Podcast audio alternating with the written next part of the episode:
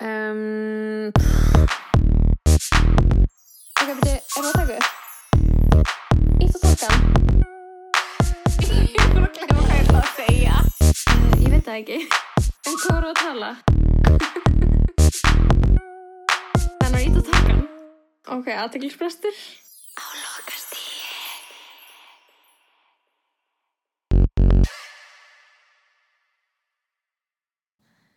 Hæ, Hæ, sælir Hvað? Kings. Hvað segirðu? Hvað segir ég? já Mm, bara gott, ég, na, ég svaf ókslega lítið í nótt og því ég var að hanga með úlingum uh, Ég sá það, ég var eitthvað svona Þú veist að eiga eitthvað svona Þú veist að eiga eitthvað moment sem var svona eins og einhverju unglingamynd Já. svona, Perks of being a wallflower Það lóa ekki ær. Nefnum ég var að hugsa, hver er þú fyrir þeim? Er þú svona mannskjari myndinni sem er eitthvað Tíu árum eldri og er eitthvað Ég var einn svona saman stað Já, ég veit ekki, ég held sé bara vinkona þeirra sko. ég veit ekki Ok. hvort sé eitthvað fígúra en jú, ég hugsaði skilur um að þarna, hvað það væri mikil úlingabönd þess vegna tók ég allt upp og setti á Instagram í story Þið voru eitthvað út á granda Já, og fyrir netto með nótt Mhm. og kaup okkur kartöbulugratín og eitthvað, næs súkulega kleinringi Ok, ekki, ekki, það er Eh. unglinga Það er unglinga fæðan Já, þannig að ég, veist, ég svaf ógeðslega lítið nótt og því að við vaktum gett lengi og svo, þannig að þú veist, ég mæta mikilvægan fund og ég ákvað bara að fara í fí, mest að spara í kjóli minn til þess að svona peppa mig í gang, skilur út af því að maður er þreyttur þá er að vest sem að gera er að fara út úr húsi looking tired, sko, gera þetta bara verra. Mm Þú ert líka, er mjög flottu kjól. Takk, Ég og gesturinn okkar vorum að hrósa fyrir henni kjól. Thank you, Já. thank you. Um, En já, ég er bara fokkin spennt fyrir poti dagsins. Ég líka. Geði þetta að vera með gest. Og vera með góðan gest sko sem að við vorum bara báðar farlega peppaðar að fá í, í þáttinn? Já, við, við vorum eitthvað svona að brainstorma eitthvað til að fá og Mhm. við fundum bara fullkomin kandidat sem mætti síðan á mikka ref. Mm -hmm. og ég bara, ok, Ok, ég get spurt hana. Þú sagðir, þú varst bara hún er hérna, að ég spurði hana? Og ég var bara, ok, þetta er spennu hvað Mhm, gerist, þetta er svona þú veist, annarkvort þú veist, þetta er einhvern veginn svona, þetta var meant to be skilur, þetta var einhver svona divine intervention að hérna aðgerðist og gesturinn er náttúrulega algjörst uppistands legend Já. um, og legend bara legend í, í lifandi lífi Já. góðsögn í lifandi lífi við erum með hana önnu þóru Algjör góð sögn. verður velkomin Takk, eh, Stefur. glerugna búðar eh, glerugna frumkvöðl Já, á Íslandi ég- Á Glerugna Vestlun. mm hvernig gerist það? Þú veist, hvernig, hvernig komst þið í glerugna bransan? Heyrðu, svona allt sem að gerist í mínu lífi, það gerist eftir eitt drikk. ok, geggjað Mhm. Þannig að, hérna, eftir nokkra drikki gerist ennþá meira. já, Og, hérna, ég var nýjórn þrítug þegar ég fór á vinsalasta barinn. Þar hitti ég skólabróðu minn sem var sjóntakjafræðingur. vá hvað bar var það, mannstu það? Já, Kaffi Rómans, hann er hættur, hann var í lækjagötunni. Ó, hvað gott nafn. Kaffi Rómans er ógeðslega gott. Kaffi. Rómans, ég var eitthvað, mm, þar gerast hlutinir Og við höfðum verið saman í Mela á Hagaskóla. já, en við þekktumst ekkert. En við sem sagt hittumst tíu myndur þrjú. Er það rétt fyrir lókun? já, þá var loka þrjú. Mm og hann fór bara aldrei aftur heim. Hann er bara ennþá á staðin vá þetta er kaffi og rómans. þetta er, gil, þetta er gilvi já, hann heitir. Gilvi algjör rómans. Já, algjör rómans. Og við tókum þetta bara á amerinsku hraða. Geggjað. Kynnumst í desember 92 og eignumst batn í mæ 94 og giftum okkur þá og svo opnum við búð 95 og eignumst annar batn 96 og svo Ok. bara hefur þetta rúlað svona áfram. Og geggjað. ég ætlaði náttúrulega ekki að fara að vinna með manninu mínum. Nei, en hann átti draum að opna sína eigin búð og ég fór með honum á glerugum síningar og pikkaði náttúrulega út það sem mér fannst fallegt, ég hafði ekkert vit á glerugum en svo bara álpast ég í að fara að vinna með honum og ég vel allt inn fyrir búðina og hann vinnur svo úr því. Vá, geggjað. En þetta er líka, ég myndi segja þetta væri svona mest töff glerugna búð bæjarins. Já, þetta er þarna fólk er að græja smart glerurinn sín þarna sko. Því, sko, þú er með, með mig flott gleru í dag líka. Já, takk. Það- Við erum langflottasta glerugnabúðin. Það er ekki spurning. Það er glerin að búa spons í sko þessum þætti. Við erum með. Ég er náttúrulega með, mín sem ég fekk þegar ég hitti um daginn í myndatökunni.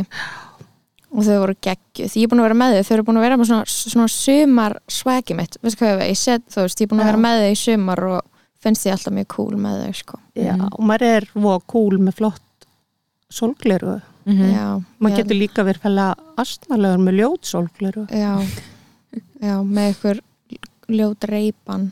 Já, við, Eru, það, það, við erum viljum það ekki. Það er ekki búið, það er búið ég hef aldrei selt það.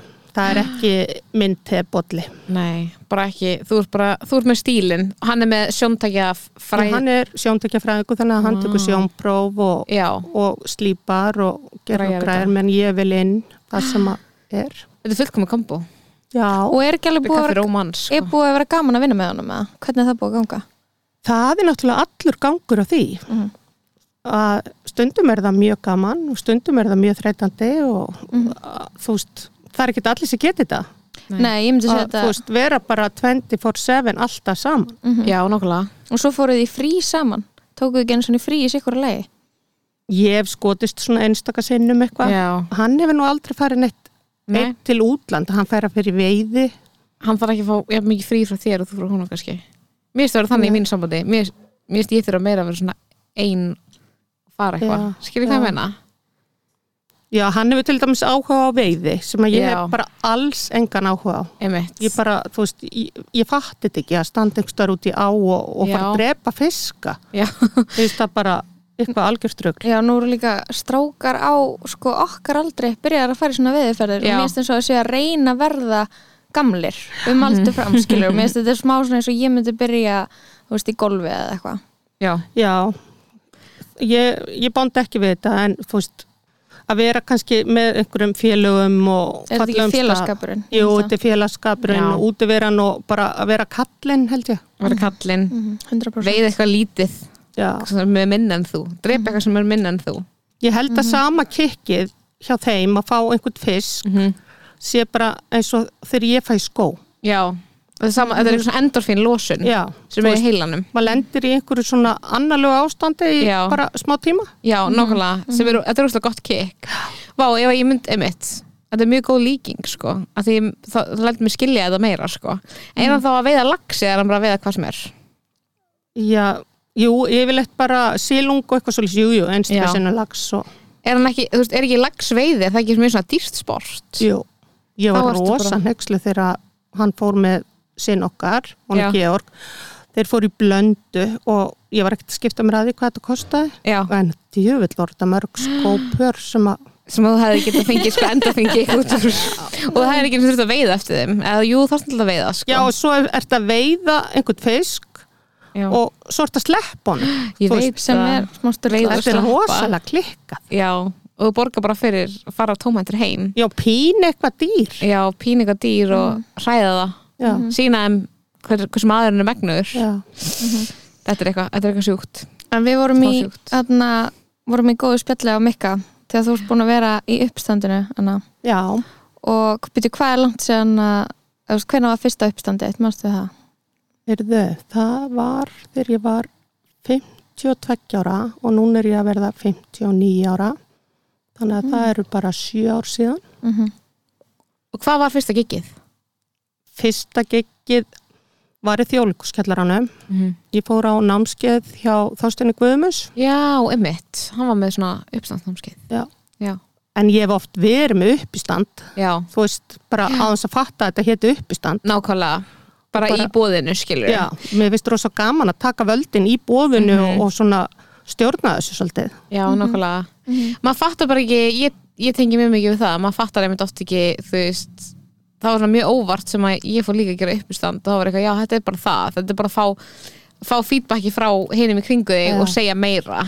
Mhm. svo eins og þegar, þegar maður að allir eru til í það og enginn er eitthvað þú veist að tala um mikið En hvað, þarna, varst búin að vera með sjáðu á hverju skutinni og, og, þarna, og hvað kemur til að þú ákveður að skipta um? Eða svona, hvað, sæðila um? Já, þetta bara gerðist rosalega furðulega og þetta var aldrei nokkuð tíman eitthvað sem ég ætlaði að fara að gera, ég ætlaði að fara að vera uppistandari, með aðstæða Mhm. bara ég vissi eiginlega ekkert hvað uppistand var þannig, þú veist, Nei. þetta var ekkert svona jú, það voru einhverju kaffibrúsakallar og eitthvað svona í gangi og svo var náttúrulega komið með í Ísland og ég var búin að fara á síninga með þeim en ég, ég var aldrei að bonda neitt við mig Nei. en þegar ég er að verða 50 þá veikist ég rosalega af kvíða og þunglindi Mm. og bara, þú veist krassa allverulega bara dundra á vegg. Mhm. og þetta var svona, það voru mjög mörg áföll sem ég hafði bara ekki haft tíma til að vinna úr. Og bara þegar maður á fyrirtæki sitt þá þýðir ekkert að ringja og segja þú veist, ég er bara eitthvað svo aum í dag. Þú verður bara að mæta. Mhm. og ég hafði mist foreldra mína og bróðir og mákonu og, og fyrirtæki okkar hafði brunnið og það var bara svona mjög margt sem að ég hafði aldrei feysað Mhm. og svo þegar maður er á breytingaraldrinum þá gerist ímislegt og maður, það kemur alltaf að því að maður þarf að taka upp úr bakbókunum Mhm. og það, ég bara þurfti að sturta úr honum þannig að ég leita mig bara hjálpar og, og það endar með því að ég lögði inn á geðdeldina og hringbraut Mhm. Og var þar bara fárveik í fjóra vikur. Og ég lá bara eins og lítil rækja í rúminu og talaði ekki neitt og mjög krútlegu maður í næsta herbyggi sem samti um mig ljóð. Hann hafði aldrei kynst svona hljóðlátri konu sem er merkju um hvað ég hef verið svakalega steikt. En ég varð að koma mér út úr þessum aðstæðum. Mhm. og það voru allir að segja ég er að finna mér áhugamál að því að þú veist, ég bara áhugamál mitt var bara börni mín og fyrirtæki mitt og, vinnan, já. og ég hafði bara ekki tíma fyrir eitthvað.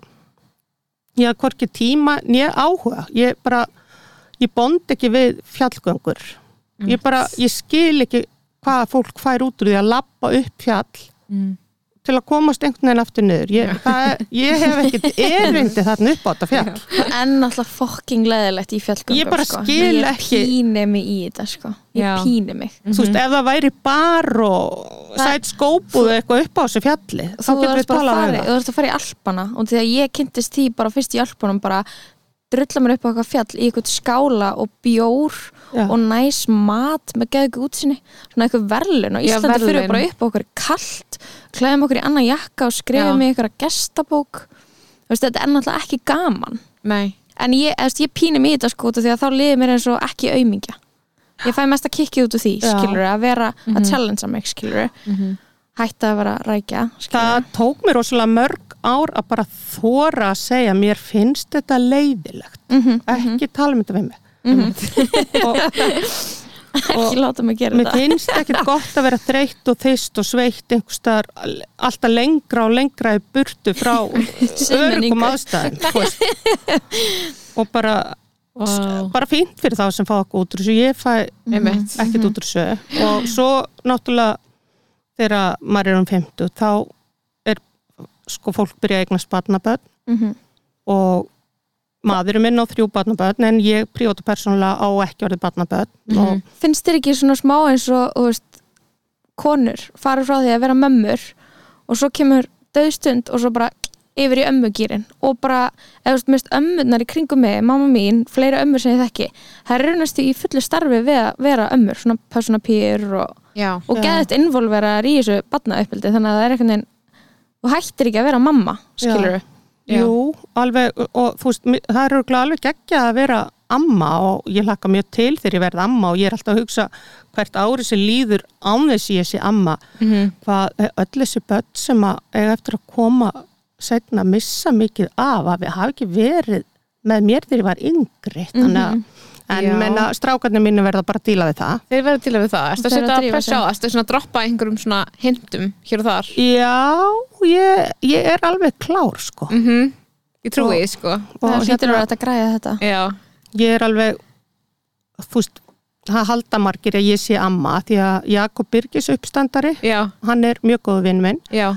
og við þykjum svolítið lík, við erum svona ljósærð og með þykka varir og, og það er mjög margir sem óskoðum mig til hamingju með að vera orðin amma. Þegar Herdís það? Jakobsdóttir fættist Já, og, og hérna, ég ásaldið í henni. Þú átt smá í henni. Og svo er Karen uppstandari, Já. hún er ófrísk. Já, og hún á að eiga barn núna í óttúber og við vorum með svona uppistands matabóð í janúar, ég og maður menn og, og svo ringdi Karin í mig nokkru viku setna og, og saði við mig hvað heldur að við skeið eftir matabóð hann hjálpti maðurinn hennar batna hana eftir matabóð hvað varstu með í þessu matabóði? Ostrur? fullt af víni Ha- það var Ostrur, bara, vín já, það var alveg svakalega gaman í þessu bóði Já. og það var bara búin til örgla mjög flottur uppstandari. Ég get ekki ímyndu með Já, annað. þetta verður uppstandari. Og svo var nefnt að tala um það við mig núna að barni hygstar svo Já, í móðukveð já, og ég var að segja henni það væri ekkit skríti menn hún blind full þegar hún býr til barn nákvæmlega. það skila sér. Já, þannig að Vá, ok, geggjað. Þannig að ég er svona að verða amma svona til hliðar en ég er alveg klár í þetta en mér finnst opaslega þreytandi að hitta kannski vinkonum mína sem ger ekkert annað en að skrolla í símanum og sína mér myndir af Já. barnabönnum út í eitt Það er svo fyndið að þetta sé round two af því sem að ég er að upplifa sem er, þú veist, einmitt alla vinkona mína með börn mm, og það er það svona það er maður eitthvað, ok, út af því að maður er ekki maður er ekki alveg að tengja og Nei. þetta er ekki veruleiki manns líka nei. Mhm. og maður svona smá eitthvað hvað er að gerast, að ég veit ekki Nei, þetta er bara líka svona þú veist, þegar fólk fær sér hund. Já, Já, það verður svona allt eitthvað og eða snýst fyrir að um spila golf þú veist, það er svona það bara coverar allt og ég bonda ekki við neitt að þessu þannig að ég bara ákvað eftir nokkur kvítinsglös og jónfrúni Já, að skrá mig á námskeið hjá Þástinu Guðmus í uppstand. Mhm. og það var mín leið til að losna undan þunglindi og leiða og, og svona almennri óanæju að fara á námskeið og klára námskeið. Ég farið á fullt á námskeið menn ég aldrei klárað þau. Mm og ég bara smelli mér í þetta og mér fannst rosalega gaman opbóðslega stressuð og svona en mér fannst svo gott að finna hennan rosa kvíða -hmm. og ég vissi að hann yrði búin eftir 20 Já. myndur Bara og ég þetta verður stjórna þessu. Já, akkurat. Þannig að þannig byrjaði uppstandsævintýri mitt Vá, en finnst þér núna, þú veist finnst þér ennþá, fannst þér bara námskeiði þú veist, hjálpa með þetta, eða finnst þér almennt svona í samvægt við þunglind og kvíða, þú veist, að vera í uppistandi, að því mér finnst, þú veist einhverju leiti líka kvíða valdandi þegar maður er að fara að vera með uppistand og svo svona eftir á, kvíðið. Svo ef það gengur vel þá ertu bara on top of the world. on top of the world, sko. Finnir Já, fyrir þessu þetta er náttúrulega ógeðslega galið að fara í Mhm. þetta af því að þú getur ekki kent neinum um nema sjálfum þér. Nei, það er enginn sem skrifaði efni fyrir þér, það er enginn sem leikstýrði þér og enginn með músikundir og eitthvað svona, þú ert bara Einmitt. algjörlega á þínum eigin vegum. Mhm.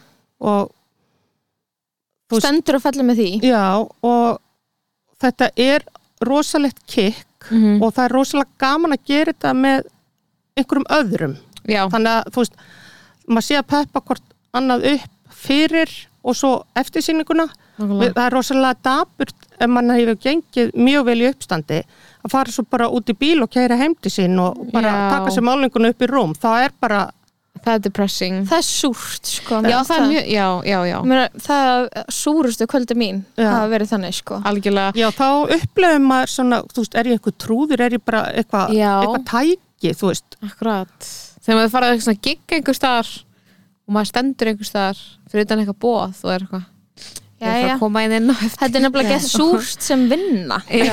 þú veist, út í að það er, það finna í þessu þú veist, þú ferð ekki í vinnuna bara eitthvað og bara eitthvað gerir eitthvað og svo bara, já, nú er ég skilja bjór. En þú veist sem vinna einhvern veginn að þú ætlar að einhvern veginn að prótsa þetta eins skilur þetta er bara, nú fer ég, ég ger þetta og svo er ég búin í vinnunni, stimpla mig út skilur þetta er bara ekkert, þú veist, þetta er ekki neitt eins, að ég veit það ekki. Og svo Já. langar mann ekki að vera sko endilega með fólkinu sem var með uppistandi fyrir ég vil bara hlaupa út þegar ég búin frá Já. þessum hóp Mhm. en hitta einhvern sterkan hóp já, og eigða, þú veist, orkunni með að tala um það eða Nákvæmlega. hvernig það var en þú veist þannig að það er bara svona já, það er rosa gaman að vera með ykkurum og bara detti drikka eða eitthvað, þú veist, Já. en minnst ekki gaman að vera með uppstand og líta á þessu vinnu og Mhm. svo bara er ég farin heim og svo Já, einmitt. Mér finnst næstu eins og núna eftir allt, þú veist, þetta langa kóðtíma ég er búin að vera með einu svona uppstand þú veist, Mhm. síðust að hvað, einu hálf ára Já. eitthvað Mhm. já, finnst næstu ekki vera uppstandi lengur sko, uppstandari lengur ég er bara næstu Nei. bara eitthvað, já bara taka það en úr jú, bæjó. sem áhugamál skilur já, ég aðna það er gott sem áhugamál. Ég, þú veist, heldur ekki er verið með líka- sjó á hverju kvöldi. Nei, það er svo súr stemming og maður veit ekki einhvern veginn hvað maður má tala um og Já. það er allir svo viðkvæmir og Mhm. mist fólk vera bara húmórslust eftir þetta COVID. já. Mhm.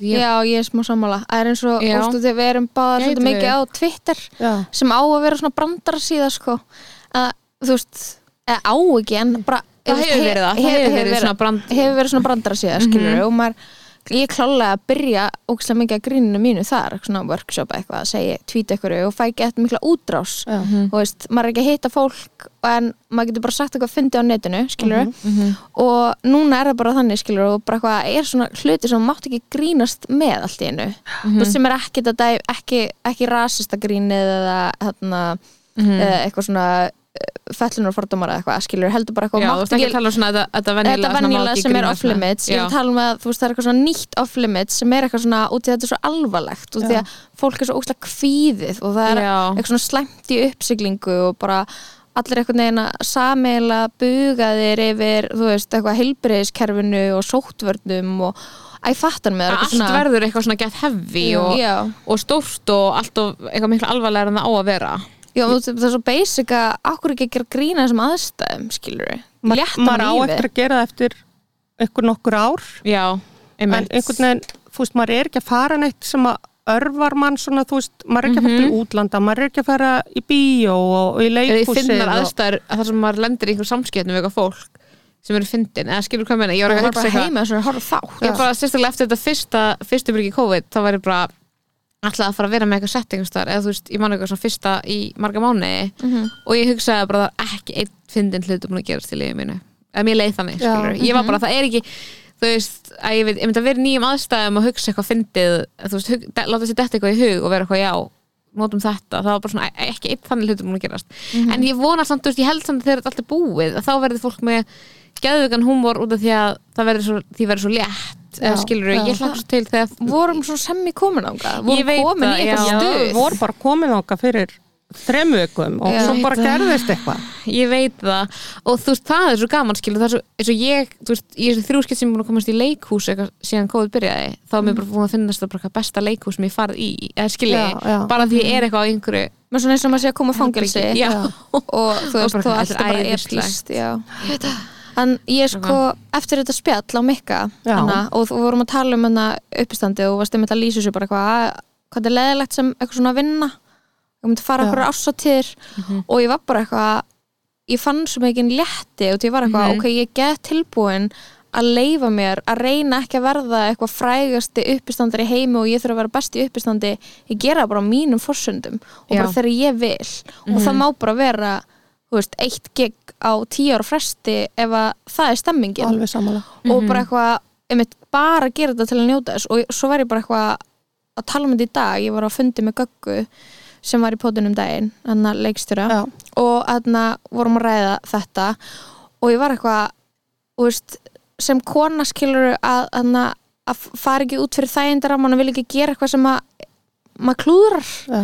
Og bara vera alltaf hrettur um að þú veist mistakast í ykkur Mm. í stæðan fyrir að þú veist bara eitthvað okkur mámar ekki alveg vera eitthvað amatsjör í uppistandi Já, veist, já, og, já. og lí- okkur, okkur mámar ekki líka gera það ef maður ætlar samt ekki að gera karýr úr því veist, og, og þetta er bara eitthvað sem gerir lífum mann skemmtilegt Mhm. og ég var eitthvað svona mér veist að geðast út því að þá get ég líka tekið pressuna af því að eitthvað einmitt að reyna að selja upp alla sýningarnar og Mhm. vera að bóka og fleiri gig þá bara eitthvað er gig og svo er það búið og ég þarf ekki að pæli því eða þú veist ég þarf ekki að pæli að Að því hafi eitthvað mistekist að er, það. maður hætti í einhver tíma eða eitthvað- viljið ekki eða eitthvað svo leis þá er það ekki þar með sagt að maður sé búin að missa húmórin og sé orðin einhver Mhm. leiðileg manneskja Einmitt. þú veist, maður bara þetta, maður er bara þessi karakter Mhm. en maður er bara í mismunandi fíling og mér finnst fyrir mig þegar fólk er að ringja núna og spyrja ertu til í að vera á ásáttíð í mars á næsta ári? Nei, ég veit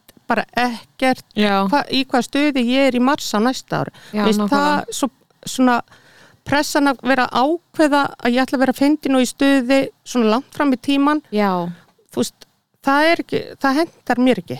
Mhm. ég þarf einhvern veginn bara að detti í þetta á mínum forsendum. Já. En auðvitað skil ég alveg einhver hérna, einhverja vinnustadi og svona og Já, svo sem- kemur oft svona einhver svona óraunhöf krafa á konur Mhm. að þú veist, við erum að taka minna fyrir þetta heldur en strákarnir og, og þú veist það, við, við erum að örgulega ekki eins fyndnar og strákarnir að þeir með að segja miklu meira og ég er með svona aldurskompleksa þú veist, verð 60 ára á næsta ári Mhm. að ég er alveg bara, ég get ekki sagt þetta, þú veist, mér langar að Já. segja eitthvað rosa að því að hérna, ég þarf að taka tillit til að ég á sinni og ég vil ekki særa þú veist, og stundum er ég að hugsa, þú veist, ég vildi vera með uppi, uppistand í einhverju stórborg þar sem enginn þekki mig og enginn frettir að því hvað ég var að segja. Já, að því að þú veist auðvitað langar mig alveg að gera hörku grína öllu fólkinu og viðskiptavinunum og öllum í kringum en já. þú veist, maður er svona alltaf æ, geti það, Ég veit það, já, maður er miklu meðvitaður um þetta held ég sem kona, skilur miklu, að miklu. einhver ungur gaur er ekkert að ekkert að pæla endilega í þessu. nei, bara klálega, sko En við þurfum, ég held maður þurfum samt bara svona stiga inn í þetta og segja fuck it út af því að við erum held ég með ég held að við séum mestu eftirlitslökunar á okkur sjálfar sko, auðvitað er til Já, eitthvað svona já. maður heyrir að eitthvað er að heita og dyruru og þú veist, fólk verður að segja eitthvað sitt og eitthvað, en ég held að við séum klálega ég hef oft sagt eitthvað upphátt sem ég held að aðrir séu að hugsa um mig. Fólk er bara eitthvað hvað meinar þau? Ég er bara þá búin að búa til eitthvað eitthvað reglur fyrir sjálf mig um að ég megi gera þetta og hitt, skilur Já, fattuði mig, er svona eitthvað maður á bara að fara inn í þetta með hugafar gaur sem hefur enga að tapa. Já, veist, og, bara er bara díl, og svo bara út þegar maður breytir leiknum Mhm. skilur, svo verð, þú veist, maður býr til eða þannig breytir maður hlutunum, skilur að ég veit ekki, já, uppeldið og bara, þú veist, allstar er einhvern veginn innprentað konan á að vera falleg og, og kurteis og sexy og, og svona, þú veist, hún á ekki að vera að augra Mhm. kallmanninum, Grófa og- hann á að vera Mhm. svo fyndin og klár og svona þú veist bara að hlæja að honum. Já, En mér finnst sko þegar ég horfði síðan á uppistand og svona eitthvað sem að mér finnst svona hjálpa mér að hug, þú veist, reyna að hugsa ekki eitthvað veist, á þannan hátt líka eða veist, eitthvað svona að þegar ég sé oft konur í uppistandi bara eitthvað á YouTube eða eitthvað þá finnst mér þær oft svona geta sagt af því þær eru kannski með eitthvað svona hvað maður að segja, svona einhverja mýkt í sér þú veist, kannski geta sagt eitthvað alveg bara rosalegt, bara mjög beitt grín eða eitthvað og svona og það kemur einhvern veginn jafn illa út og ef það væri gaur, eða skiljið hvað ég meina? Út af því að hún er einhvern veginn, þú veist, við erum góðar í að klæða hlutin oft í, þú veist einhvern mýgur púning, skiljið hvað ég meina? okkur finnst bara ef að strákur að tala um fæðingu bassinsins Mhm. og bara hvað barni sitt er að gera og eitthvað það þykir svo fyndið bara því að það er kallmaður þú veist, Já. ef að við fyrum að segja eitthvað Mhm. þá er þetta ekki eins fyndið því þetta er einhvern veginn í okkar eðli já, sem þetta er ekki Nei, sem er svona bara okkur er það fyndið ef að hann segir það en Já. ekki ef ég segi það og ef að við segjum þetta þá er það bara, vá, þú veist er hún fær móðir, Já. er hún hæf Já. móðir já, Já, við spáum náttúrulega ógeðslega mikið í því og við, með, maður spáum líka mjög mikið í því hvernig mömmur aðrar konur eru og hvort sé að standa sig og eitthvað. Mhm. Og svona aðeins minna að spái, setja kröfu og gauðra. en ég held ekki að ég líka að Ok. hugsa ég var að mynda að hugsa um daginn svona ok, þegar að maður byrjar aftur að vera með uppstand veist, hvað langar maður um að gera? Þetta einmitt mjög frelsandi að heyra þetta með bara hvað þetta má vera bara þegar maður langar til að gera þetta og þetta þarf ekki að vera hluturinn sem þú gerir sem manneskja, sem þú ert skilur mjög næst af því að mér finnst þetta miklu skemmtilega þegar þetta er bara í einhverju svona flæði skilur og þú lendir inn í bara allt í hennu hittur einhvern og þið langar að gera uppstand með því fólki heldur en að vera bara, ég er í þessum hóp og ég verð bara alltaf þar. Mm -hmm. og veist, þá bara þroskast maður ekki í þessu. Já, nákvæmlega. Og við, mér finnst bara mér finnst rosalega gaman ef fólk er mjög ólíkt. Mm í hópnum, Já, innan hópsins já, heldur en ef það verður bara kallar eða bara Já. konur. Einmitt. Og við förum ofta að vinna með það samallar. Já, og Já, jú, þú veist, það var, okkur gekk rosalega vel sem, Þú að tala um bara góðar já, mjög, mjög vel. Og svona, en ég finn það að mér, mér langar að gera eitthvað aðeins öðruvísi. Mm þá er það bara elda það. Já, svo langar mig bara kannski ekkert að gera þetta. Já, nokkulega ég, ég var svo mikið að hugsa að mér langaði bara ef að drauma, hvað er drauma svona áhörvendinir ykkar, ég var svo mikið að hugsa bara drauma áhörvendinir mínir eru sko, eru samt konur skilur hvað ég menna, mér finnst það svo góður áhörvendur já, þú veist, á svona uppstandi svona að ég væri svo til í að vera bara, það væri meira svona konur á miðjum aldri með þess að, skiljið hvað ég menna, miðjum aldri upp úr sem er skemmtilegst áhrifnir á uppstandi hjá okkur, sko. Já. svona ef það kom einhverju svona mömmur vinkvanna minna já. þá finnst mér það skemmt, Mér langskemmtilegast ég er náttúrulega með mótþróa þrósku röskun Já. á mjög háu stíi Já. líka. þannig að mér finnst ábáslega gaman að vera með svona vel klættan Já. stífan kall sem Mhm. að er bara hefur óvart pikkast þarna inn fyrir algjöra tilviljun já, svona með kærustunni sinni, eða eitthvað, hún dróan Já, Já. Og, og ganga alveg fram á honum og sjá hann í hlátuskasti þá, þú veist, já, að Það því er sigur. það er svona bara kom einhverjum mönnum bara alveg í opna skjöldu Mhm. Mm og segi eitthvað sem að þú veist, enginn býst við að kona mínum aldrei segi. Það viðurkenna ekkert margar konur á mínum aldrei að, að það er kannski hafi bara haft áhuga fyrir að drepa einhvern og, og svona þú veist. En minna það hafa allir upplega það að langa að drepa einhvern. En það myndi enginn viðurkenna það. Já, nokkulega Mhm, Nákvæmlega. Ég er sko aðna aftur að vísi spjallum mitt við Göggu og fórum að tala um breytingaskeið og eitthvað. Og hún var að segja mér að væri eitthvað svona til að eitthvað lögum í Breitlandi þar sem að konur fá orlof á breytingaskeiðinu Já. og aðna geti farið frí og hún var að tala um eitthvað svona að konur eru kannski þú veist, hátt settar í ykkur stöðu skólastjórar eða viðskiptalífinu eitthvað. Og svo fara breytingaskeið og að vera bara litlar í sér og óorgar og slappar og slói og eitthvað að þú veist, gefa þeim frí og svo koma þær aftur út af því að annars áttu hætti á því að konuna stimplu sér bara út. Já, já, það er mjög mikið til í þessu af því að hérna, sko, mjög góður starfsmæður er þú veist, fólk sem er búið með að alveg börnin sín og er með mikla reynslu og, og svona og er búið að bara koma sér í gott jafnvægi en konur á breytingaskeiðinu er bara, það er svo mikið bara hormóna rugg að það er verða oft viðkomar og það er búið leiðilegt sem er að þú veist, ert að breytingar aldrei hvað er núna? Hvað, Já, þú þetta er bara, og það er alltaf bara svona eins og, já, og ertu, ertu þetta og ertu hitt og þú veist, Mhm. það, þetta er ekkert sagt við menn. Nei, þú veist, það er ekki bara en ég hef alveg orðið call crazy á þessum breytingar aldrei já. Hvað er þetta, hvað er þetta, má ég spyrja mér út í þetta, hvað er þetta langt tímabil sem að þetta gengur yfir?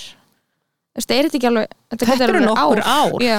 þannig að Og er þetta eins og að vera PMS-a lengi? Er þetta eins og svona, þú veist þetta er rosalega misjættur, opbúslega sveiflur og ofsalega mismunandi hvernig þetta fer í konur Mhm, hjá mér, þú veist, það var mér opbúslega heitt mhm. og ég man að hérna, sonur mannsins með skipti sig og ég hafi farið í blástur og make-up og ætlaði að vera náttúrulega flotta stjúpan Já.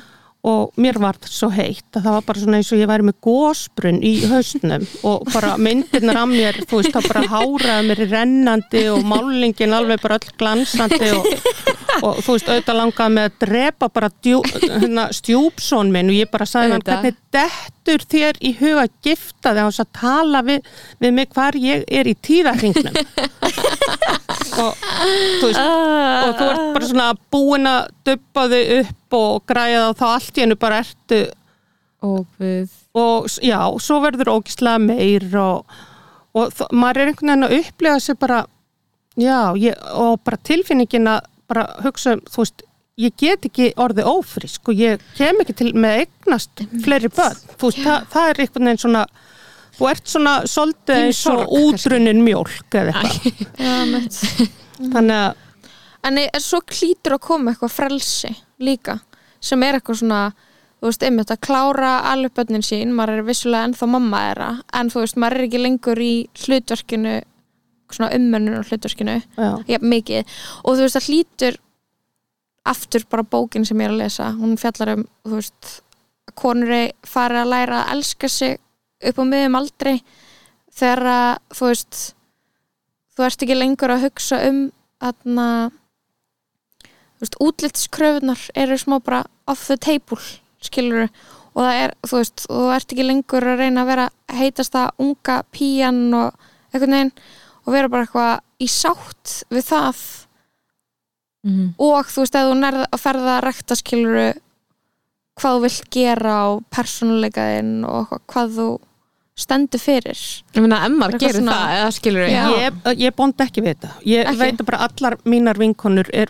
maður er í sjokki þegar þetta allt kemur, þú veist, bara, Mhm. og maður bara fyrir að finna ykkur grá hár á högunni, maður bara, hvað er að frétta? Já. Af hverju er þetta að gerast? Og, og bara svona, ég verð hrætt við öll þessi einkenni og bara Mhm. vil þetta ekki, en þú veist, ég er ekki típan sem að færi bara til lítalæknis að láta sprauta bótóksi og eitthvað svoleiðis, mér finnst það opaslega sorglega típur sem að meik ekki að eldast, mér finnst flott að eldast en maður þarf ekkert að eldast bara eins og ammamanns varð eða mammamanns varð eða eitthvað, þú veist, við megum alveg vera töff og típur og vaka fram eftir og segja dónulega brandara og koma, þú veist, heim í leigubíl og, og þú veist, við þurfum ekki að vera þessar settlugu konur en ég held að engin kona svona fíli beint þegar þú ert búin með blómaskeiðið. Já. Þetta er pínu svona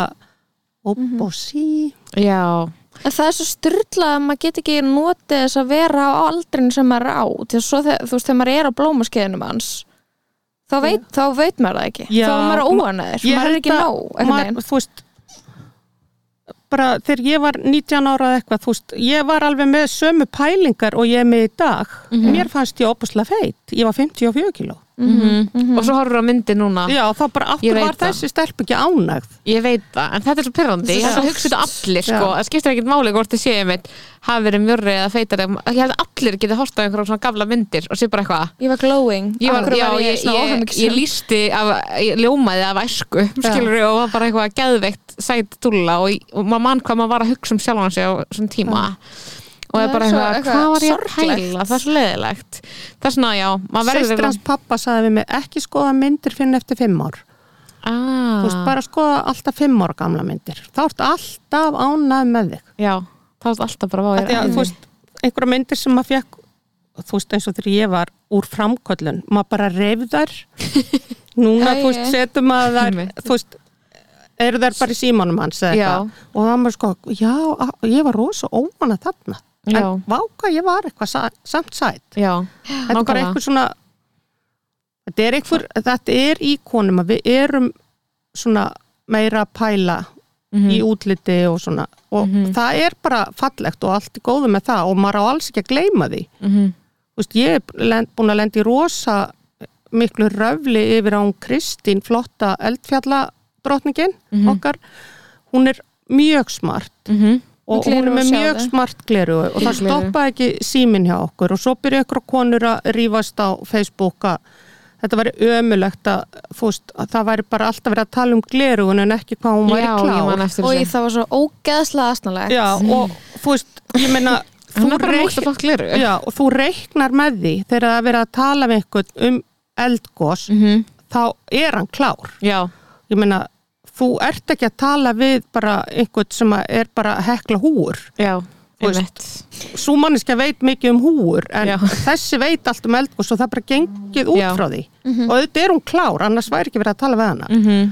Og bara frábært að, þú veist, svona klárar konur séu líka komnar í þessa stöður, það voru yfirleitt kallar. Mhm. en hún er bara frábælega klár og flott og með smart glerugu Mhm. og í smart kjól og það má bara tala um það allt já, akkurat, þú þarft nákvæmlega ekki að vera bara smart og þá heimsk eða Já. bara klár og þá asnaleg Já, Nei, nákvæmlega. hún og- er líka, það er líka ákvörðin að vera með gett töff gleru þú veist, það er ákvörðin Þú sem þú tekur og sýna- ferði í daginn og þú hugsar, ég ætla að vera með töff gleru skilur Já.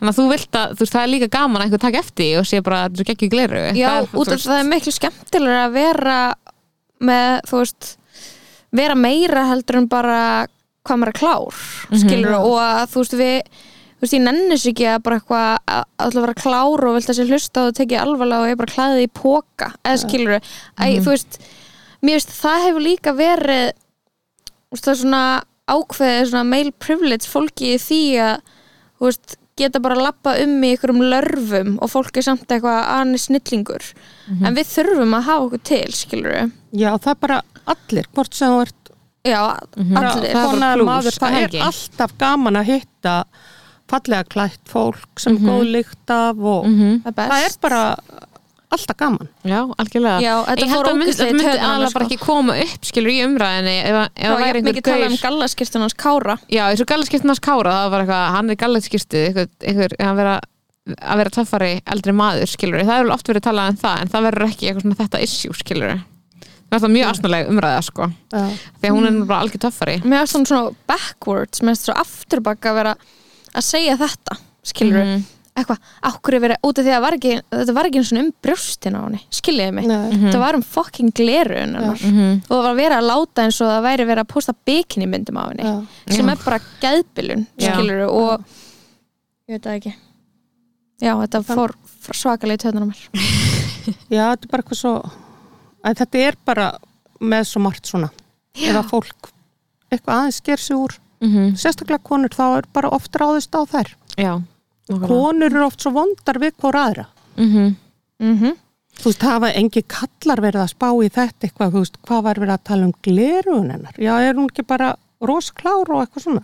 En það er líka kannski bara, einmitt, þú veist, þegar það er eitthvað svona komment þá held ég að fólk fatt ekki, þú veist, að þú ert bara eiginlega, þú veist, með því að koma eitthvað neikvæð umræðu, eina mannski svo að vera leðileg við er hún.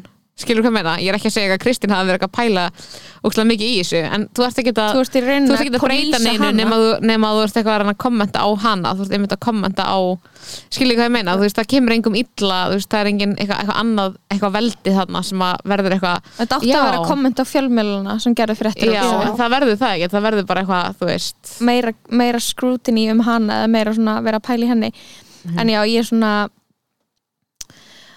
að já, ég veit ekki, þú veist ég er líka farin að tengja við sko, bara svona stór hlutir sem við þurfum að gera þú veist, sem ég held að við föttum ekki að við séum að gera sem við, við erum pæla ókslega mikið í kynfærisofbeldi og svona framkomi kalla við konur en við erum, þú veist, svona minna Jújú, jú, ok, þú veist, vissulega hefur svo umræði verið tekið miljón sinnum, en bara svona við erum ógeðslega gaggrinnar á hvar aðra út af því að við erum með svipuna á okkur Já. þá, þú veist, þólu, þú veist, þá finnst okkur svo ógeðslega erfitt að sjá konu sem að út á við virkar ekki eins og hún sé með svipuna á sér og sé að, þú veist, fattuðið mig, halda aftur á sér, bara einhverja konu sem er að blómstra og, og bara svona ekstra painful ef hún er veist, líka sæt og töff, þú veist, það er svona eitthvað ég veit ekki og það kemur fram í alls konar kommentum, bara eitthvað þú veist, ef að GTRN er að gera góða tónlist, þá þurfum við að segja var hún samt góð að leika í köllu skilur, og við þurfum að, að finna eitthvað svona, ve, vera eitthvað svona er hún, er hún samt nógu góð til að gera þetta? Eða eitthvað svona, veit það ekki svona pó, pólísum hvort aðra ógeðslega mikið. Mhm. Og, þarna, og ég held að það þú veist, það heldur aftur á okkur sko alveg mikið og eitthvað gaurir að perrast í okkur, skilur við Mhm. en það er bara svo samt flott að, eins og GTRN, hún er æðisleg hún er rosa flott og hún er með sinn stíl og frábær sönguna og svo bara leikur hún. Og það er bara svo frábært, hún er greinilega að lifa mjög skemmtilegu lífi sem að bara bara mjög margir myndi vilja lifa. Og það þarf ekki að vera að vega og meta hvort hún sé betri þessu eða hinnu, hún er bara að gera þetta. Og það er bara þrælflott. Eins og Rúrik fótbolta Mhm. uppáhaldi mitt sko, hann hérna þú veist, góður í fótbolta hann er líka greinilega mjög góður í dansi og hann er opuslega sætur og þú veist, er það ekki bara flott ef að hann Mhm. þú veist, gerir þetta allt? Já, Er þetta ekki einhver svona þörl að setja fólk í eitthvað box sem það má veri, já hann skilji? má bara vera þarna. Já, svona vera eitthvað, þú veist, ok, þú ert inn að, að fá aðtegli og eitthvað svona í þessu og þá, þú veist, viljum við bara hafa og þú veist, erfitt ef fólk er að flæða mikið á milli kassa.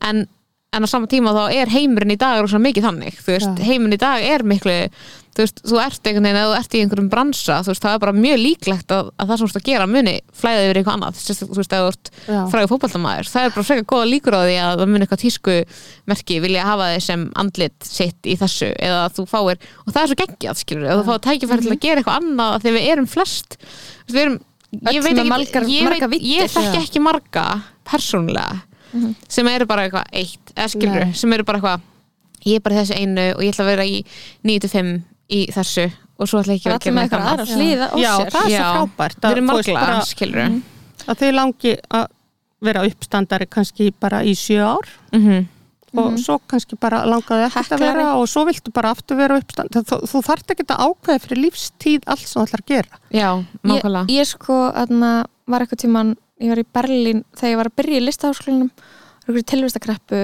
og var eitthvað að tala um þú veist eitthvað svona finna sér eitthvað fókus skiluru og þegar svona stundum tala um eitthvað svona að maður sé með eitthvað ásetning og byrja að þú veist verða góður í einhverju tilteknu. Við varum svona báðar í mjög svona opnin á mig sama á Bjössi, Já, svonuðinn, bara sviðsöfunda Mhm. þess að hún fær eitthvað að sjá bara kynnast mörgum hliðin þess að búa til sviðslist. Mm og, þarna, og ég var eitthvað svona ég er hvorki góði að skrifa handrit ég er umulega leikstýra ég er ekkert eitthvað frábær leikari ég meðist óþægild að vera sviðinu bara langar að deyja. Og ég er eitthvað hvað? Ég, þú veist ég er bara uh, og svo fannst mér líka svo ég þurfti einhvern veginn að gera það sem ég var að gera í skólan með áhuga málunum mínu.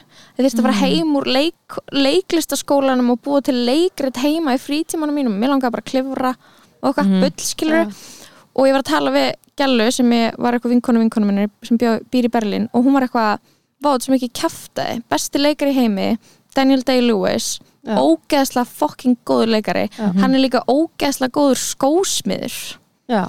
Og, og ég var bara eitthvað, hún var að segja þetta við mig hún var eitthvað út af því að þú veist þú hefur ekkert bara tíma í deginum til þess að gera eitthvað eitt og vera eitthvað eitt. Og þú þarft ekkert að þú veist, verða góði, þú veist, einhverju einu á kostnað hins sem þú brennur fyrir. Nei, alls ekki. Og ég var bara eitthvað að ég bara heyrði þetta á svona réttum tíma í lífinu Mhm. og ég var eitthvað hvað þetta er næs að bara heyrum eitt svona gaur út af því að það eru til miljón svona típur Já, skilur já, og bara þú mæti bara í vinnuna og selur gett flott gliru og svo selur upp í kjallaranum og þú veist, það er enginn að reyna að stoppa það skilur Nei, en ég fekk alveg að heyra það þegar við opnum glerugnabúð, þú veist, bara hvað er hún að fara að gera þetta? Hvað heldur hún að hún viti eitthvað um glerugu? Mhm. Og þú veist, ég vissi ekkert um glerugu, en ég bara kynnti mér það. Mhm. og svo bara kemur þetta með, þú veist, tímanum. Nákvæmlega. Og ég er bara að bara orðin drullu góð í þessu. Já, En nákvæmlega. það bara, ég var aldrei búin að ákveða. En hvernig hefur átt að læra það líka án þess að gera það? Eða skilur við flest sem við gerum já, veist, já, og svo er náttúrulega hægt að verða læra að verða sjóntakja fræðingur það er bara allt annað, Allt annað. heldur en að velja velja, töff gliru já, og auðvitað þarf umgjörðin að passa fyrir hérna, styrkleikan sem þú ert með og allt svoleiðis. Og þetta kemur bara með tímanum. En ég man alveg eftir því að fólk var að bara, ah, einmitt allar hún að vera og fólk Það. sagði alveg bara okkur fær, hún sér ekki vinnu? Hún hangir bara yfir gilvanir í búð. Jesus. the audacity. Það myndi enginn segja það í dag. Nei, og það, en, þú veist, það er þetta veist, að fólk er að segja, veist, hvað heldur nú hún sé, hvað, veist, er hún orðin ykkur uppi standari, fymtu kettling, veist, já, hún getur bara alveg orðið það. Já, nákvæmlega. Algjörlega, mér finnst þetta mjög frelsandi sko að þessi sviðsöfundatill skilur að það veit alveg hvað þetta er. Það vera sviðsöndur, mér finnst það mjög þægilegt sko, út af því að þá þú veist, er einhvern veginn enginn að setja svo milljón hluti. Já, þú veist, það er bara svolítið þannig. Maður er bara eitthvað verktaki að gera miljón hluti stundum uppistand, stundum að leikstýra, stundum að skrifa. Mér finnst mjög þægilegt að vera bara eitthvað þú veist, einhver eitthvað hvað gerur, bara eitthvað sviðsöfundur bara hvað, gera eitthvað. Og það getur náðið yfir á einhvern veginn allt sko. Þú veist, mér finnst mjög stressandi að titla mig eitthvað sem leikstjóra. Mér finnst það eitthvað svo, þú veist ég myndi aldrei tengja við það því það er einhvern veginn, mér finnst að festa mig við eitthvað svona eitt sem að ég á að vera að gera. Og þá áttu að vera gett góðið í já, En það, maður á bara að skipta, þú veist, ég flutti eins og til Svíþjóðar og er með sjúkralega próf og það var náttúrulega Já. bara basic að flytja til Svíþjóðar og fara að vinna sér sjúkralega. mm Ég lendi bara í rosalegu útlendingahatri. ok Bara í Sverige bæði svíjarnir mm og sjúklingarnir á þessu elleimili bara vildu ekki útlendingin. það? Já, og þetta var rosalega skrítið og bara ég er mjög skandinavisku í útliti og, Mhm. þú veist, og bara á yfirleitt mjög auðvelt með að kennast fólki ég Mhm. kynntist engum mm Vá, og bara engum en svo kynntist ég bara þegar ég fór að læra sænsku fyrir útlendinga bara til að reyna að koma mig betur inn í þetta dæmi Mhm.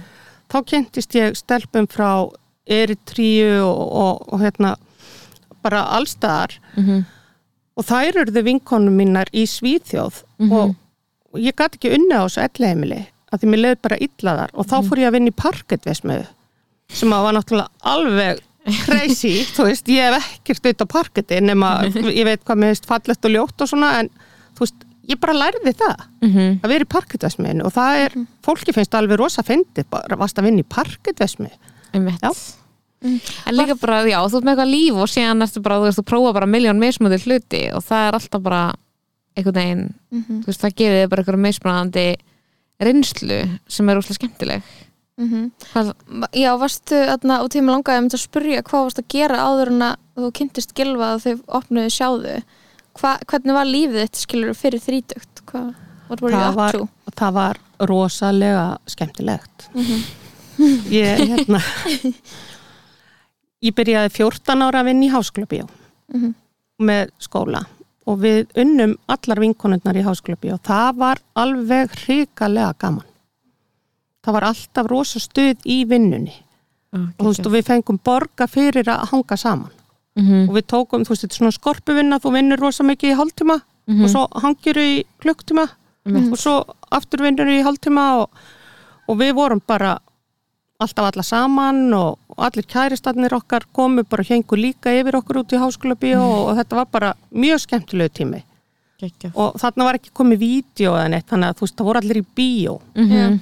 og þú veist, maður var kannski búin að vera í Hollywood og í einhverju rosa stöði og kom svo í vinnuna á sunnudegi og þá var maður alveg bara í sjokki þegar liðið úr Hollywood var að koma Já, þá hlupum við kannski allar nýra á klósett og svona en svo lág mér svolítið á þannig ég gifti mig 21 ás ok.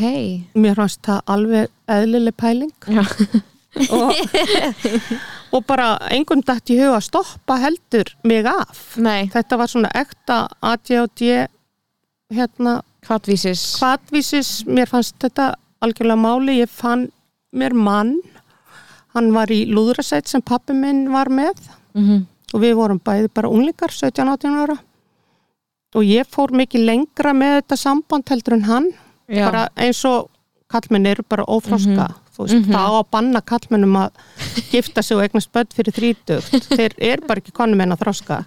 Þetta er satt. Þannig að ég bara giftist þessu manni og ég var komin með þetta á mjög gott svona plan. Ég Mhm. vildi bara vera að baka skúfuköku og, og þetta en svo gekk þetta ekki alveg upp. Þannig að við skildum þegar við vorum búin að eignast eitt barn og hann var eins ás Mhm. og þá kom svona aftur mjög mikið flip tímabil hjá mér. Og sem var rosa gaman. Mhm. og svo kynntist ég dönsku manni og flutti með honu til Svíþjóðar. Það var ekki alveg jafn gaman. Nei. og bara mamma mín og pappi sóttu mig. Já. Af því þetta var ekki gott samband. Mhm. Og ég kom heim og þá fór ég eiginlega á skemmtilegasta tímabil í lífi mínu ég átti bara mjög skemmtilega vinkonur og ein þeirra rak hérna flotta tískurverslun og hún skild eða hætti mig sínu kærasta þannig að við vorum báðar singul og við höfðum opbósla gaman að skemmt okkur og ég átti rosa gott bakland til að passa fyrir mig krakkan þannig að hann var aldrei nefn í toppmálum Mhm. Og við gerðum bara stórkostlega hluti sem að ég á eftir að hugsa um á elliheimilinu alveg, þú veist, þetta er alveg efni í nokkra bíómyndir þar sem að við afreikuðum. Ok, geggja Og hvað hva voru þið gamlar þá? 20 og Við vorum, já, þetta er svona í kringum 90-91, já, við erum, ég er svona 27-8 ára og Ok Besta aldurinn. Við 28 já, Mhm. ógeðslega næs aldur okkur datt bara eitthvað í hug Já. og við gerðum það, þú veist, við sátum kannski á þriðudegi og bara hvað er að gera, hvað, hvað er eitthvað fólk sem við getum djöblast í Mhm. og þá var landsleikur Mhm.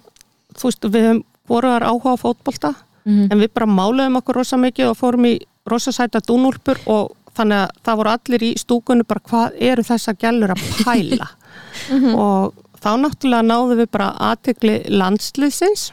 Ok, og svo bara var rosa partí langt fram eftir nóttu með landsliðinu.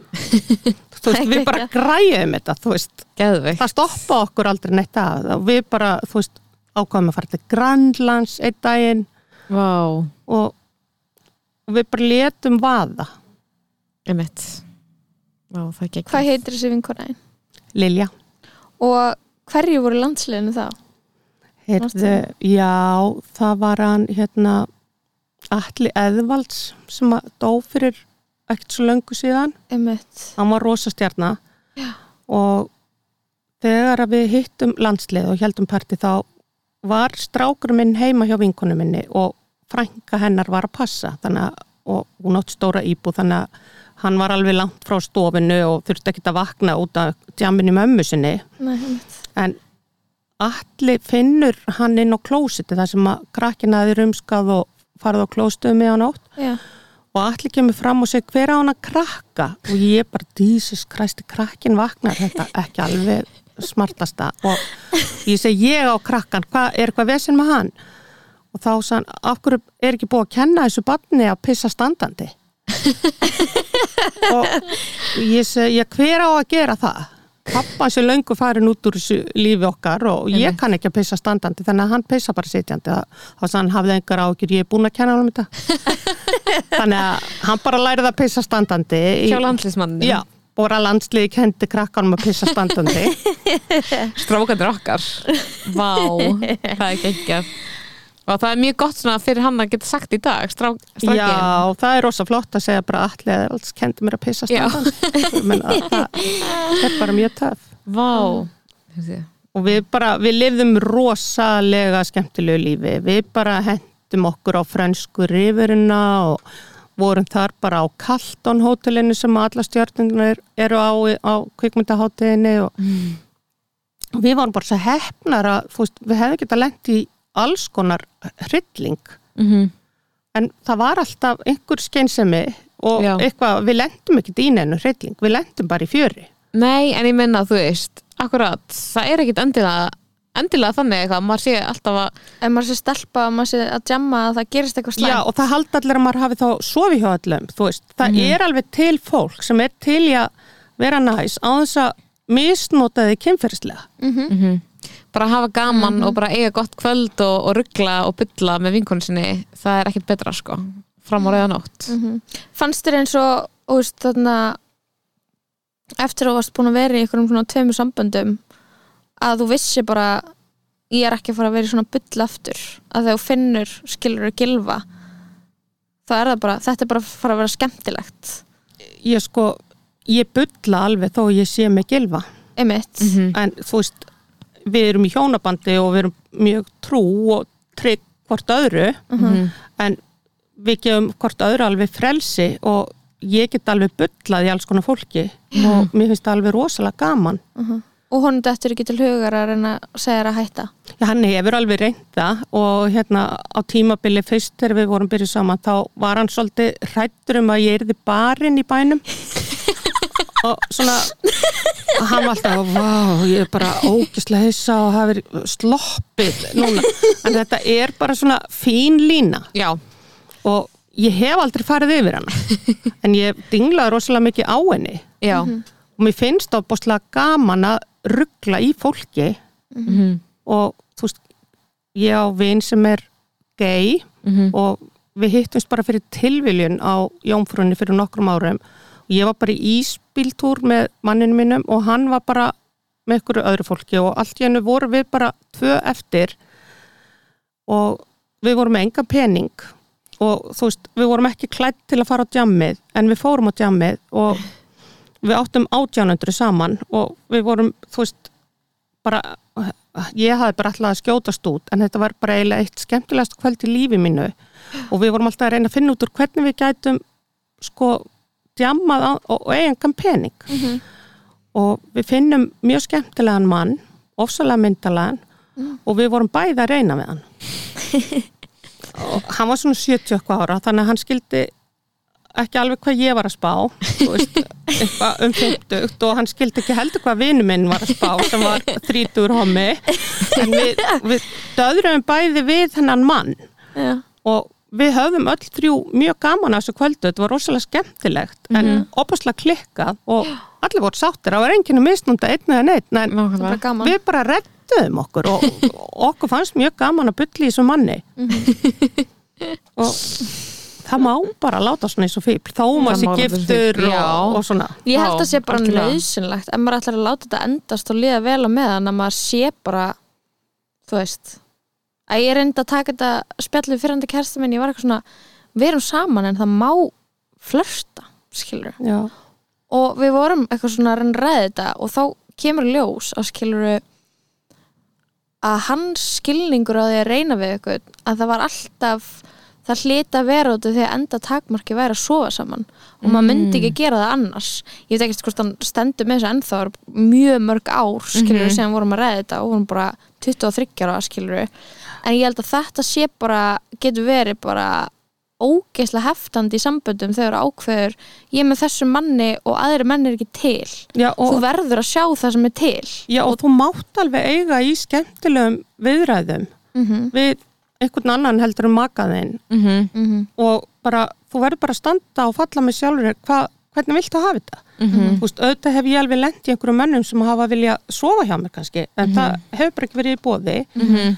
og hann hefur líka alveg lent í einhverjum kettlingum og þú veist, ég hlæ rosalega mikið af því þegar hann lendir í kettlingunum af því að hann fattar þetta aldrei sjálfur, þú veist og hann bara er alltaf svo hissa Já, bara ha en hann bara hafa hann að reyna um mig er það þannig? Það er svo Já, hann augljóst. tekist aldrei ekki- skilja Já. þetta og bara, þú veist, ég er að reyna að segja honum að, þú veist, þessi kona hafi verið að reyna hitt og þetta, hann bara, nei ég...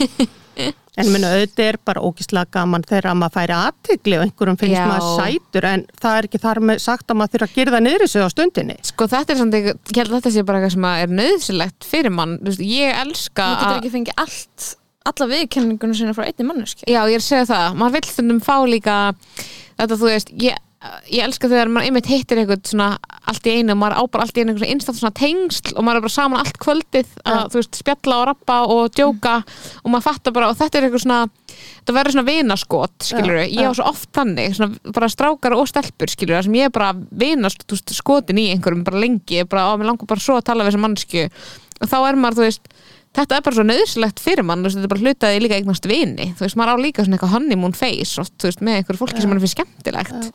Og er bara, þú veist til ég að vera, þú veist, að tala við það bara alla daga, skilur og þetta er ekkert bara að fara að vera magiðin, skilur Mhm. þú veist, ég alveg Nei, mjög þetta það bara, þú þarft að vera bara ef þú ert skemmtilegur og jákvæður og bara eins og ef þú ætlar að selja glerugu mm þá er rosalega gott að kunna nákvæmlega það er bara mjög mikilvægt. Mhm. ég held að er það ekki, veist, meira þegar maður verður aðeins eldri, að meira einu sinni, þá var eins og maður mætti ekki einhvern veginn þá var maður ekki meira með þetta viðhorf emitt að ef maður verður að daðra við eitthvað, þá væri eitthvað loka takmark. En mér finnst það ekkit endilega að vera núna mér finnst það að vera bara ógislega að segja sér sjálft að maður getur líka að fara saman út á lífið og þeir eru ekki sem spjalla við fólk þú veist, allt kvöldið. Og svo eru þið þeir sem fara saman heim veist, mér finnst það þú veist, mér finnst það bara svo skemmtilegt Já, manni finnst leiðilegt að það er einhverja svona gamlar kæristur sem að hanga yfir allt kvöldið, þú veist, það er rosa boring. mm -hmm. Mhm. Ég lendi alveg í því. Mm Það var sérstaklega ein vinkonu minn sem var alltaf að ná í fyrfinandi kæristu mannsismis og koma með hana þar sem við vorum. Nú, Ég var alveg hægt að skilja í þessu, þessari skreitingu. Hvað rugg þetta væri. En Sumi vilja bara drama já, og vera með svona bull, en ég meina, Mhm. ég get alveg skemmt mig mjög vel með, veist, fyrirverandi tengdamömmu minni til dæmis, þó Já. að séu 35 ár síðan ég skildi við soninnar já, og skildi ég ekki við hana. Mhm. Mhm. En nú vorum við að tala um líka vorum að tala aðeins áðurnum byrjum að taka upp um aðtöklusprestin Mhm. ég lí- líka bara að hugsa mér aldrei svona mestu ADHD vinkoru mínar vera svona mest sjarm, mestu sjarmatröllin sko skemmtilegsta fólki skemmtilegt fólki, Já. en skilja hvað ég meina. Þetta er svona, að því að þú getur verið heilin virkur þannig að þú ert bara eitthvað að skipta mill umræðefna og djóka og þú elskar að vera í, að ég veit reyna ekki að hafa Já. gaman þú veist. Það já, það er ég get alveg verið í fjórum sko spjöllum í einu. Nákvæmlega. Mhm. og verið bara, þú veist, að hérna, já, láta þetta eitthvað nýtt í hug og hverju sekundu skilja, það Já, er bara geðvett skemmtilegt fólk svona er bara, þú veist, rosalega er hún rugglu hvað Varst ekki að tala um bíliðin áðan og Mhm. þú ert alltaf að tala um hvert þú allar í frí og já, skilur þetta ekki? Já, þú veist, svona virkar þetta. Svona er þetta hlaðvarp, skilur þetta er bara, Mm, þetta er uppskriftina þetta er uppskriftin að þessu. Já. þú veist, að hún menn að hlusta á þetta í klukkutíma skilur, er að við erum að, að önum úr einu í annað já, það erum er bara miklu meira að gerast í heilanum og þetta er svo leiðilegt að þetta sé talið sko svona last Mhm. að því þetta er hæfileiki. Þetta er hæfileiki. Þetta er hæfileiki að geta unnið í mörgu í einu. Mm og það er hæfileiki þegar barn segir eitthvað svona alveg út úr kú, það er búið að hugsa svo mikið um það og það Mhm. gerist eitthvað hratt. -hmm. þú veist heldur en það var alltaf gert grínaði þegar ég var svona tveggja eða þryggja ára. Það var gömul kona sem bjóð fyrir neðan okkur í blokkinu. Og hún var rosalega góð við mig. Mhm. hún var alltaf að hekla og prjóna okkur sískininn og mér fannst opaslega gott að koma til þessar konu. Svo kemur mamma og sækja mig í leikskólan og hún segir Anna mín, nú er hún Caritas dáin. Úst, og mamma var búin að alveg bara að hugsa hvernig hún ætti að segja mér þetta. Og ég stoppaði bara á stjættin og horfði rosalega stíft á mömmu og setti í brýtnar og sagði hver drap hana? Og þú veist, ég bara þá var ég bara búin að hugsa, þú veist það dó enginn nema þegar hann var drepin Já. ég hef bara lært það í, þú veist, einhverjum Einmitt. og mér finnst mjög eðlilegt að einhver hefði komið og drepið þessa gömlu gömlu konu Caritas prjónakonun Æ, elsku Já, nákvæmlega, og þetta er bara það sem gefur lífinu lit, skilur við. Já.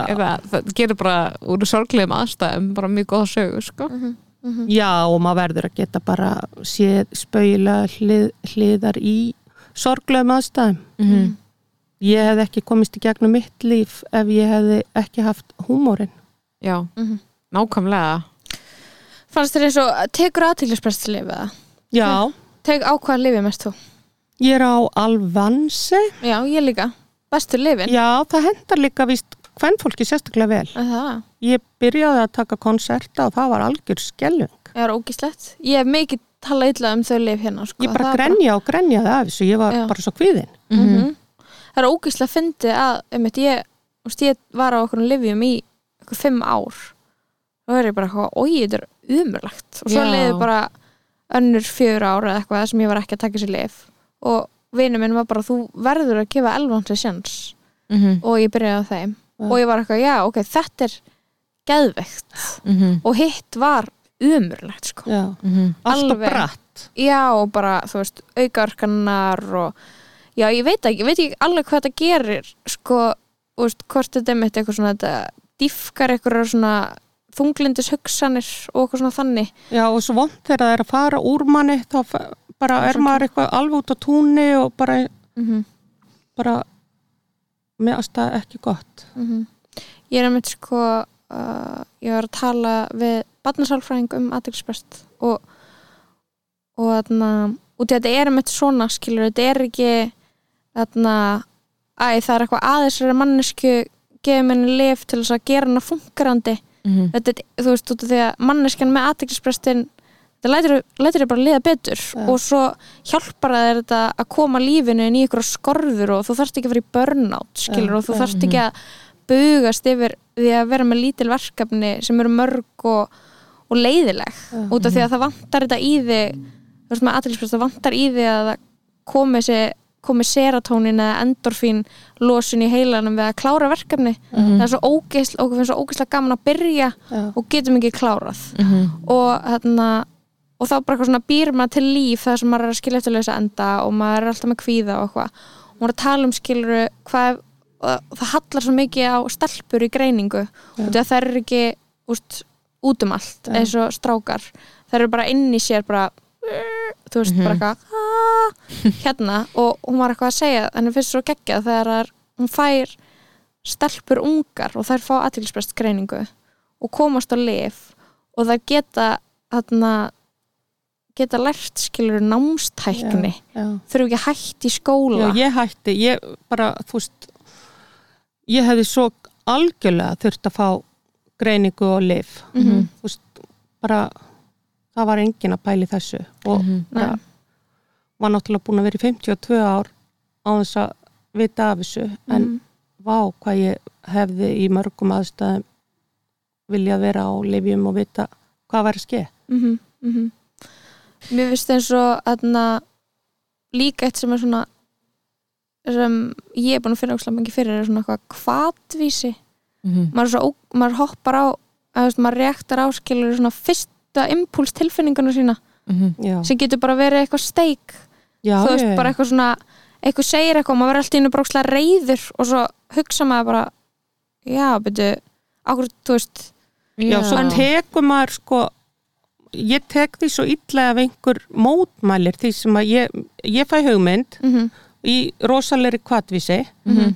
og minnst hún svo frábær þessu hugmynd og minnst ég bara vera að opna heimana fyrir, þú veist, öðru fólki bara með þessari hugmynd sem ég fekk Mhm. og þá fer kannski einhverja rökraða við með þetta sé ekki gott, þá, þá fer ég bara í fílu, ég er svo sár yfir því að það hefur verið drullað svona yfir mig. Mm. þú veist, bara ég fæ Vá, kannski hugmynd bara og segi við manni minn, höfst, að ég er búin að finna geðveikt húsnæði hérna fyrir fyrirtæki okkar. Mhm. Og hann er í voginni þannig að hann er alltaf veg og meta. Mhm. og það hendar mér mjög illa. Já. Þú veist, Og hann á bara að segja strax já, djöðlar þetta hrikalega flott hugmynd. Já. en hann fyrir alltaf að útskýra fyrir mér að þetta sé kannski ekki alveg eins sniðut og mér Oh dætt í my hug. Og þá, þá fer ég í fílu og verð með svona hundaaugu og bara byrjaru Mhm.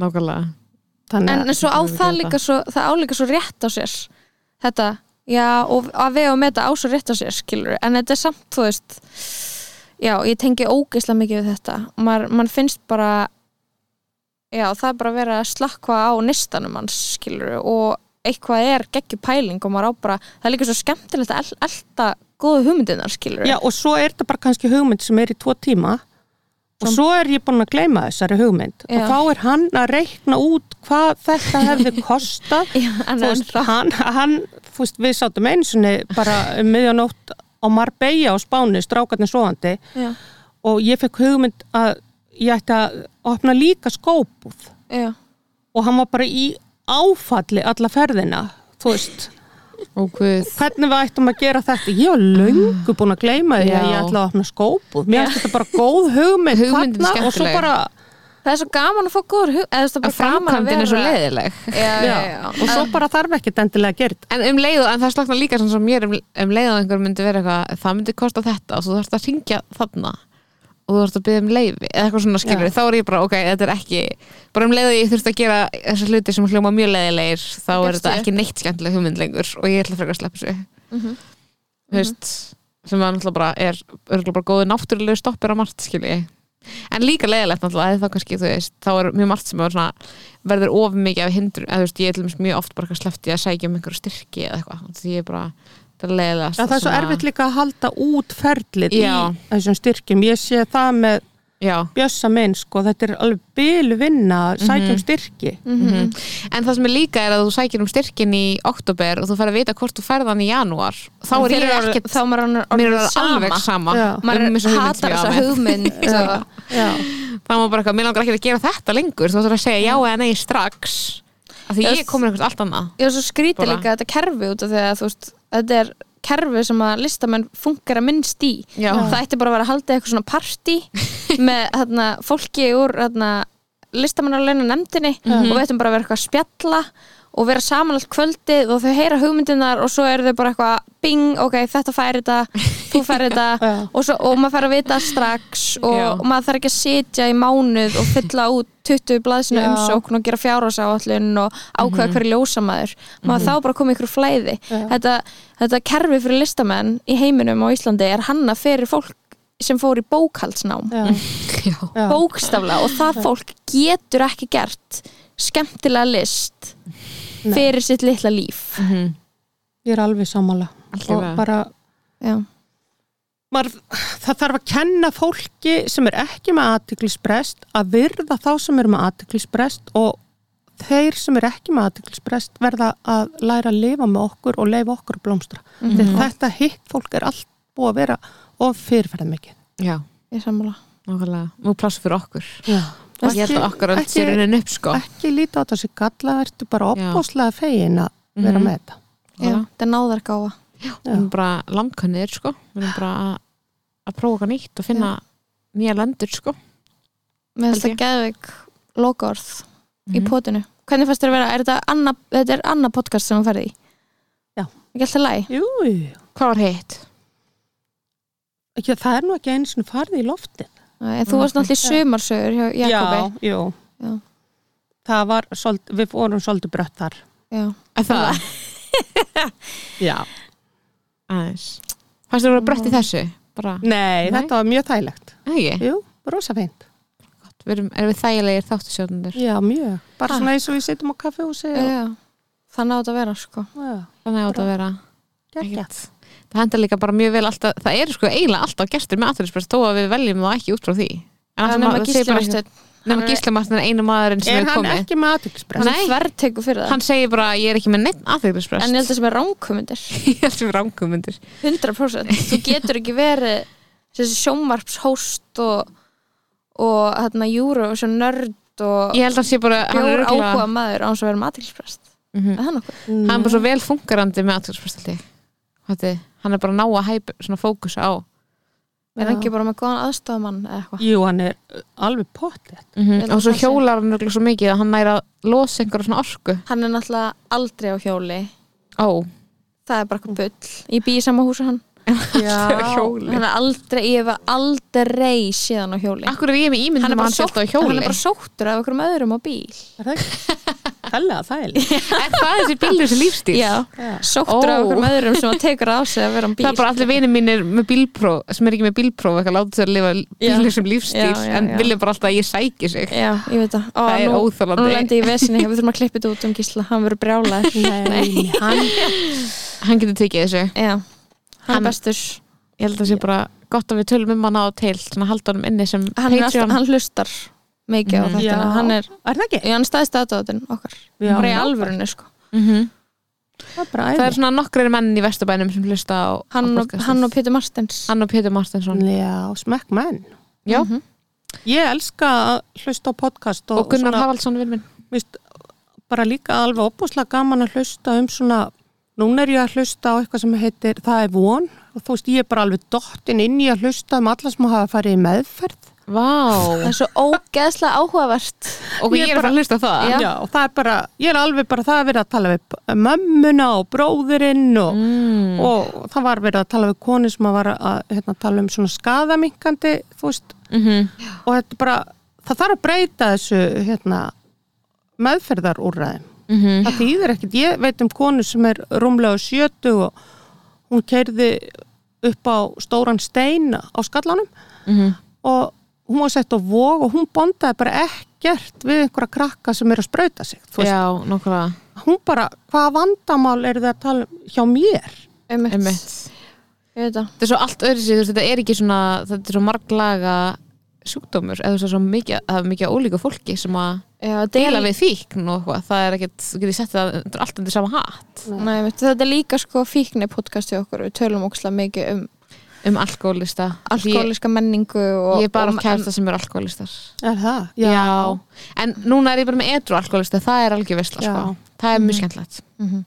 og já, svona þessi menningskilur sem verður til í kringum þú veist það að, að fíkla í fjölskyldum og svo, Mhm. og svo áföllin í kringum það Já. og svo meðvirknin og svo erfist það og kannski er alkoholistin er löngu hættur Já. hann er kannski bara dáinn Mhm. en það er allir í fjölskyldun að haga sér eins og þessi yfirvofandi hættu ástand Mhm. þú veist, að, að, þú veist eins og fólk sem ég þekki og minni fjölskyldu, þú veist, það er alkoholistin, þannig að fjölskyldufaðurinn Mhm.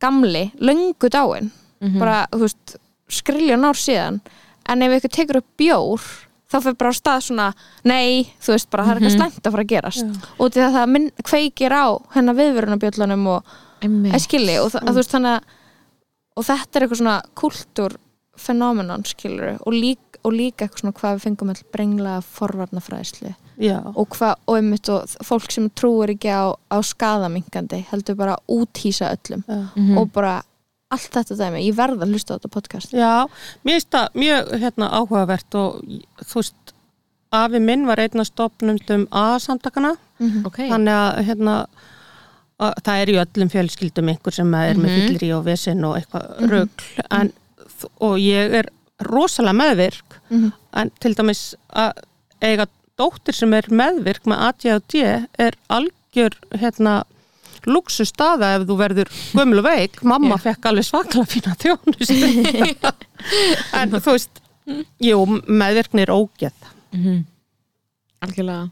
Og hún er líka svo mikið þarna, að þú veist, það, það er þetta vera svo vondur í fólk í meðvirkni, eða skilur með út af því að þú veist meðvirkur. Maður er vestu við sjálfa sig í meðvirkni? Já, en svo maður líka, þú veist að þarna einhvern veginn, maður ef að maður er skilur þessi meðvirki sem er bara, ok, þetta er bara eitt orð til þess að nota yfir til dæmis bara stjórnsemi og þú veist, ef maður er meðvirkur og í batna uppbildi og bara svona stelur þroska batnarinn sinna með því að sjáum allt fyrir þau já, eða stjórna þeim og Já. vera alltaf að taka ákvarðinni fyrir þau eða þú veist, eitthvað svona. Mhm. og það er svo hellað.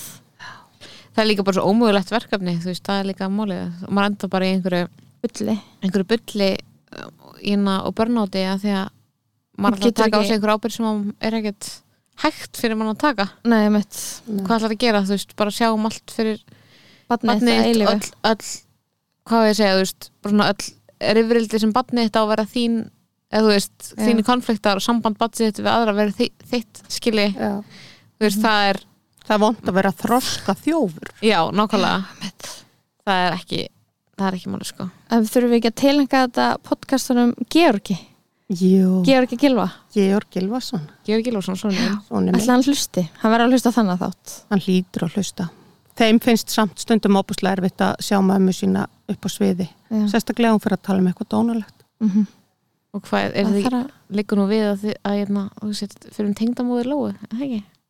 já það, mér skilst að það hafi verið einhver það tenging. var eitthvað. Það var eitthvað hennar í gamla daga. Það var skemmtilegt, Georg ræði þannig að það verður gaman fyrir þið hafa önnur sem tengdamömmu já, það hefur ekki aðeitt ég held ég sé ágætt tengdamamma já, ég trúi því, það er sko ógeðslega gaman að eiga góð tengdamömmu já, það skiptir það, er bara- miklu. það skiptir mjög miklu máli sko. það verður mjög stóri stór hluti að lífum hans Já. þú veist, Mhm. í sambandi. Mm -hmm. bara, þú veist, ég, fjölskylda ég, sakna, ég, ég sakna alveg bara, eh, þú veist, fyrstu tengdamömmu minnar. Hún var alltaf eitthvað að vera bara æði og hérna, þú veist, maður var í mat hjá henni ég bjóði eða inn á henni að því ég var eitthvað svona 17 ára í sambandi, skilur ég stendum bara eitthvað. Bara hvað vildi að ég vera ennþá bara eitthvað? Já, það er líka rosa erfitt þegar að strákarnir manns eru búin að vera með kæristur og maður er búin að kynast þeim vel og svona, Mhm. svo hætta þau saman. Já, ymmit það er alveg rosaleg bomba. Já, og maður var ekkert inn í þeirri ákvörðun skilur, Nei. þannig að maður bara hvað á ég að vera hérna, þú veist, ekki að vera í sambandi við þessa mannski lengur sem er búin að kynnast ógslag vel, en svo líka getur maður náttúrulega alveg haldið einhver sambandi, en það er samt alveg þú veist, getur oft, ef, sérstaklega að það var eitthvað erfitt sambandslit, þá er það náttúrulega Getur, já, hvernig fer maður að því? Mér langar svo að þú veist, kunna það Já. að halda áfram þessu sambandi. Ég er í opaslega góðu sambandi við fyrirvinandi tengdamömmu mína. Mm mm og en ég er alveg rosalega grimm ef að fólk er og sína mínum eitthvað slæmt þá, Já, þá, Þá bara, þá er bara ljóna- mjög gott að hérna, flytja frá Íslandi. Hlutur landi. Já. Mm. Ok, Heyrðu, takk Takk fyrir komuna Anna. og rókst að gott að fá þig. Ekki að fá þig. Æ. Bye. Bye.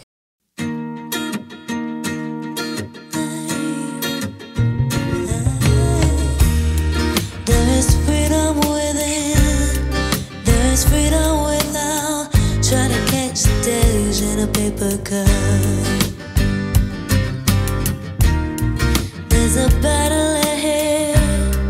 Many battles are lost, but you never see the end of the road while you're traveling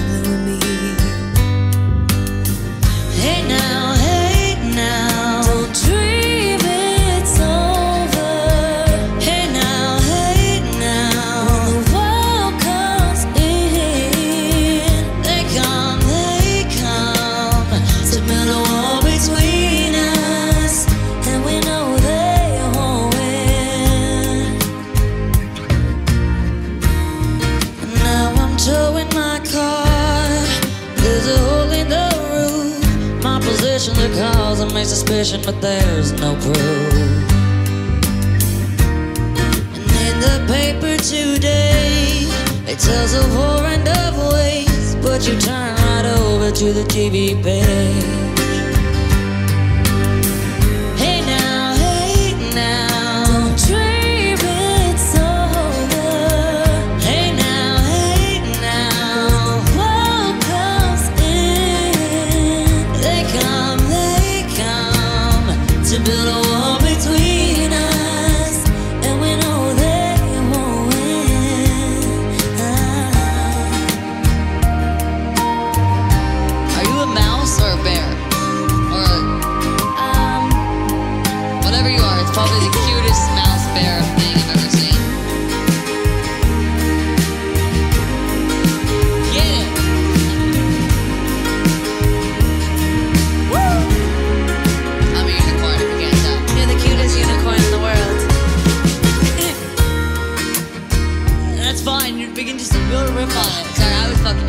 Riffing. Sorry, I was flirting. Sorry. Sorry, I was flirting. Sorry. Sorry. Alright, anyway. Only I'm walking again. No, sorry. I'll, I'll, I'll fuck off. Sorry, here we go. I'll start it. Here. Alright, here we go. Now I'm walking ahead to the beat of a drum, and I'm counting the steps to the door of your heart. Shadows ahead, barely clearing the roof. Get to know the feeling of liberation.